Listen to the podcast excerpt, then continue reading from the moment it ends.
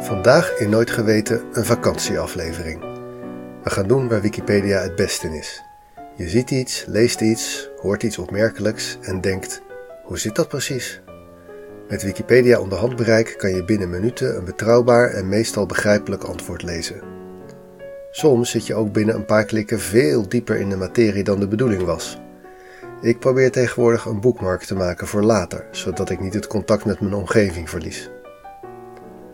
Als iets me echt interesseert, klik ik vaak nog door op de externe links onderaan het artikel. Soms naar gespecialiseerde websites, soms naar wetenschappelijke artikelen. Normaal zouden die veel te specialistisch voor mij zijn, maar als je net een introductie hebt gelezen en je weet over welk specifiek onderwerp het artikel iets zou moeten melden, dan is het te doen. Nu snel, op vakantie.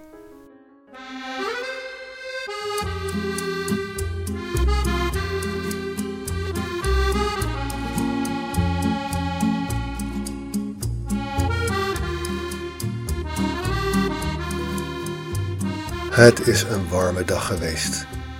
De zon stond de hele middag hoog aan de hemel te blakeren en de bewoners van het dorpje hadden zich teruggetrokken binnen de dikke muren van hun huizen. Daarbinnen is het nog wel uit te houden. Maar nu begint de zon iets te zakken. De stralen zijn al wat minder fel en de huizen aan de rand van het plein beginnen een randje schaduw op te leveren. Een mevrouw met een hondje loopt langs die streep schaduw langs het plein en weer terug. Tussen de platanen op het pleintje beginnen een paar oudere inwoners van het dorp aan een partijtje pétanque. De cafébaas van Café de la Fontaine zet het bord buiten waarop de apero wordt aangeprezen. Een aperitiefje rond borreltijd. Je komt net aan in het dorp en wandelt over het pleintje naar de krakkemikkige tafeltjes van het terras. Proberen maar die apero. Je bestelt in goed bedoeld Frans voor jezelf en de garçon loopt weer naar binnen. Hopelijk heeft hij je begrepen. Na een paar minuten komt hij weer naar buiten met een dienblad. Eerst zet hij een schaaltje pinda's en een schaaltje olijven op tafel, daarna een karaf met water en ijs. Dan een hoog glas, waarin onderin een centimeter of twee van een lichtgeel gekleurd drankje zit. Dan komt het. De ober schenkt het koude water bij het laagje likeur en als bij toverslag verandert de kleur van geel en doorzichtig naar melkachtig wit. Nu het glas plotseling koud is geworden, begint er ook meteen condens op te parelen. Welkom in de Provence. Je hebt zojuist een glas pastis voorgezet gekregen. De Provençaalse anijsdrank die zo verrassend verfrissend kan zijn in warm weer de drank die zich presenteert als een achterloze goocheltruc aan het eind van de middag. Mijn eerste reactie, toen ik de wonderbaarlijke pastismenging voor het eerst zag, was dat er iets in het water moest zitten. Het lijkt erg op zo'n scheikundeproefje waarbij door een chemische reactie een vloeistof van kleur verandert. Wat gebeurt hier precies? Als een vloeistof een kleur heeft, maar wel helder is, zoals bijvoorbeeld bier of wijn, dan betekent dat dat het licht dat erop valt er doorheen kan schijnen, maar niet alle kleuren in dezelfde mate. Dus geel bier absorbeert het rode en blauwe licht wat meer dan het gele. Afhankelijk van hoeveel geabsorbeerd wordt, wordt de kleur donkerder. Dus bijvoorbeeld rode wijn absorbeert een groter deel van het licht dan bier of witte wijn. Bij een glas melk werkt het weer heel anders.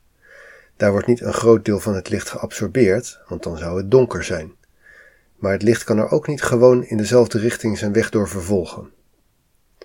Dat komt doordat melk niet een simpele vloeistof is met wat opgeloste stoffen erin. Melk is een emulsie. Dat betekent dat er allemaal bolletjes in drijven van vet en eiwitten, die zo klein zijn dat ze niet uitzakken. Als een lichtstraal in een glas melk valt, wordt die nauwelijks geabsorbeerd door de vloeistof maar als het licht tegen zo'n vetbolletje aankomt, wordt het wel van richting veranderd. En dat gaat nogal willekeurig, want het hangt er maar net van af hoe je tegen het vetbolletje aankomt. Een beetje als een glas met miljoenen biljartballetjes die allemaal bewegen. Dus dat licht, dat vanaf één kant als een nette bundel op een glas melk afkomt, wordt in alle richtingen verstrooid. En het komt er dus niet als een bundel aan de achterkant weer uit. Dat geeft het matte, ondoorzichtige uiterlijk van melk. En de combinatie kleurloos en ondoorzichtig noemen wij wit. Datzelfde effect heb je bij suiker. Suiker is kleurloos, maar kristalsuiker is wit en ondoorzichtig. En poedersuiker is nog witter. Ook hier weer dat witte ondoorzichtige komt door die willekeurige verstrooiing van het licht. Hoe kleiner de korreltjes, hoe sterker het effect. Terug naar de pasties. Wat zit daar eigenlijk in? Pasties bestaat eigenlijk nog niet zo heel lang. Het is pas bedacht aan het eind van de 20e eeuw. Daarvoor was het populairste Franse drankje absint. Absint smaakte ook sterk naar anijs, maar er zaten nog een paar andere plantenextracten in, met name van het plantje dat wij absint-alsem noemen. Dat voegde een sterke, bittere smaak aan de drank toe en het had ook de naam geestverruimend te zijn. De groene drank bestond voor 60% uit alcohol en was heel goedkoop. En dus ook heel populair. Rond de eeuwwisseling was er een sterke anti-alcoholbeweging en in Frankrijk richtte die zich op het verbieden van absint. Achteraf was het waarschijnlijk een soort hetze of massapsychose, maar het verhaal ging dat je door het drinken van absint gek kon worden en extreem gewelddadig. Steeds vaker werden familiedrama's en gewelduitspattingen toegeschreven aan het gebruik van absint, totdat de drank in 1908 na een referendum werd verboden in Zwitserland. In de jaren daarna verboden steeds meer landen de drank, waaronder ook Nederland en Frankrijk. In de jaren 30 presenteerde Paul Ricard zijn nieuwe drank, pastis. Min of meer absint met wat minder alcohol en zonder de absintalsem. Het wordt gemaakt door een aantal ingrediënten zoals wenkelzaad, steranijs, zoethout en Provençaalse kruiden langdurig in alcohol te laten weken. Het werd heel snel populair en dat is het dus nog steeds. De inhoud van pastis bestaat dus uit water, alcohol en een heel aantal oliën die anijssmaak geven. De belangrijkste daarvan heet anetol en heeft een interessante eigenschap. Het lost namelijk heel goed op in alcohol, maar heel slecht in water. Maar water en alcohol kan je in alle verhoudingen mengen. Wat gebeurt er nu als je anetol oplost in alcohol en er langzaam water aan toe begint te voegen? Eerst gebeurt er niets. Als het mengsel nog 80% alcohol is, wil de anetol er nog best in opgelost blijven. Ook als het mengsel al voor de helft uit water bestaat, kan de anetol in de oplossing blijven. Maar ergens bij de 40% ligt een vrij scherpe grens. Als het percentage daaronder komt, ontmengt het mengsel spontaan in twee fasen. De ene fase bevat veel water en maar een heel klein beetje anetol. De andere bestaat uit minuscuul kleine druppeltjes waarin alcohol en anetol bij elkaar kruipen. Wat je hier ziet gebeuren is dus geen chemische reactie. Het is een fysisch proces waarin de kleur sterk lijkt te veranderen omdat er plotseling een wolk van kleine druppeltjes in de waterige oplossing is verschenen. De wolk van kleine druppeltjes geeft die melkachtige, ondoorzichtige aanblik. Zo'n suspensie kan in theorie langzamerhand uitzakken. Maar als de druppeltjes klein genoeg zijn, kan dat heel lang duren. En dat is hier het geval. Hoe lang je een glas pastis met water ook laat staan, volgens mij komt de alcohol aan de tollaag nooit bovendrijven. Deze vrolijke kleurverandering in glazen pastis, maar ook in ouzo, sambuca, raki, limoncello en trouwens ook in de oorspronkelijke absint, die is op zich al leuk genoeg, maar er zijn ook serieuze toepassingen van.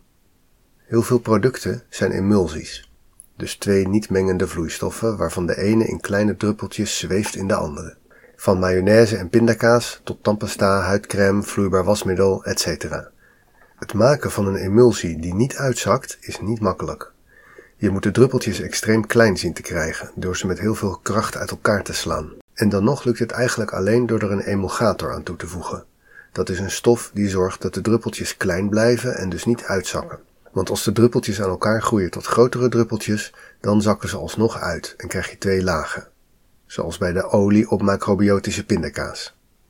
Als je wel eens zelf mayonaise maakt, weet je waar ik het over heb. Je moet heel hard kloppen en het eigeel dat in de mayonaise zit is de emulgator.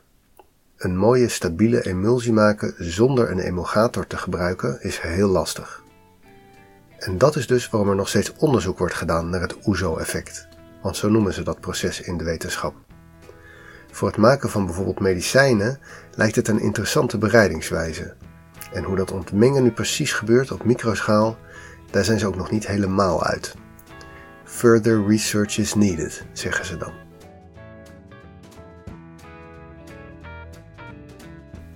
Dit was een aflevering van Nooit Geweten. Ik krijg de laatste tijd steeds meer feedback van mensen die ik nog niet kende. Vind ik heel leuk en nuttig. In de show notes vind je mijn e-mail en Twitter-handle. Je vindt er ook alle informatie over gebruikte muziek en links naar achtergronden op Wikipedia.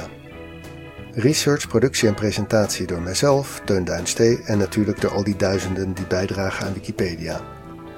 Als je denkt, ik heb wel zin om weer eens wat te doneren, doe dat dan aan de Wikimedia Foundation, de stichting achter Wikipedia.